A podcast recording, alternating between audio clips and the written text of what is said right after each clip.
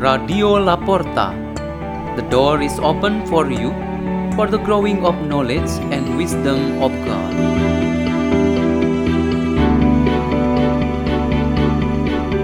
Delivered by Mario Olivia from Christus Raja Paris, Diocese of Surabaya, Indonesia.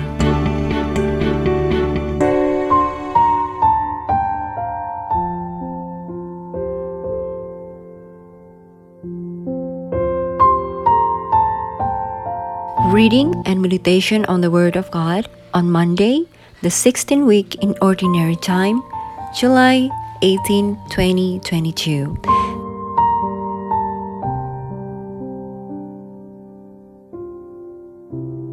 The reading is taken from the Holy Gospel according to Matthew. Some of the scribes and Pharisees said to Jesus, Teacher, we wish to see a sign from you. He said to them in reply, An evil and unfaithful generation seeks a sign, but no sign will be given it, except the sign of Jonah the prophet. Just as Jonah was in the belly of the whale three days and three nights, so will the Son of Man be in the heart of the earth three days and three nights. At the judgment, the man of Nineveh will arise with this generation and condemn it, because they repented at the preaching of Jonah, and there is something greater than Jonah here. At the judgment, the queen of the south will arise with this generation and condemn it because she came from the ends of the earth to hear the wisdom of Solomon, and there is something greater than Solomon here. The Gospel of the Lord.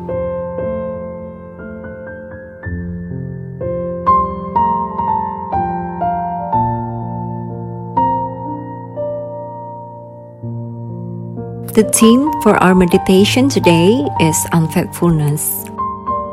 There was a man who got a job to work outside the city for three to six months. During this time, he did not return to his home and family. Communication with his wife and children was done via online messages and video calls. When he returned home after finishing the job, he found out that almost everything in the house was normal and good, except for his two beloved dogs who were no longer familiar with him. The two dogs really ignored him, even though he wanted to play with them.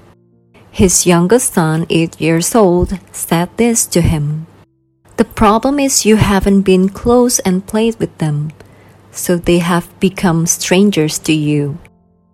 Infidelity that happens in our relationship is caused by many factors and one of them is that people are not close to each other.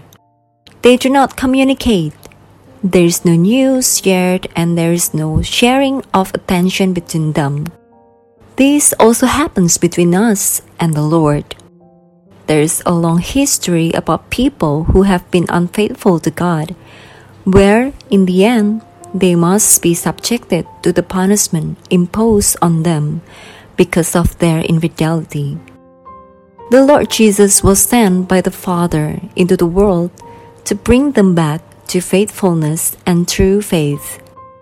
The people of God, and especially the Israelites, were expected to be the first to renew this broken relationship and to walk on the new way initiated by Jesus Christ. However, they did not even want to know and acknowledge Jesus. They asked for signs that could help them to believe in Him. This is why Jesus gave them a very strong reaction. They openly opposed God by rejecting and not recognizing that Jesus was sent by God, whom they believe according to the faith of their fathers. This is a great sin of unfaithfulness. They preferred such worldly things like money, possession, flesh, pleasure, social status, and fame. Then, God alone and His teachings brought by Jesus of Nazareth was not their priority. According to our Lord Jesus Christ, this is a sin against the Holy Spirit and it will never be forgiven. The temptation to deny God by not making Him our priority in life is really very big. In general, there are three great temptations that threaten us anytime and anywhere in this world, namely money, power, and flesh. The prophet Micah said that we need to be sincere about ourselves, whether we can overcome the temptation or we are always overcome by it. The world around us is the witness. If we stay with God and let ourselves be guided by the Holy Spirit, we are the ones who overcome temptation. Let us pray. In the name of the Father, and of the Son, and of the Holy Spirit. Amen.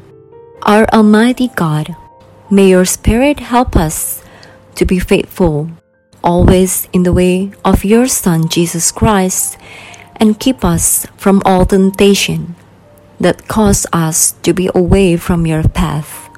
Hail Mary, full of grace, the Lord is with thee.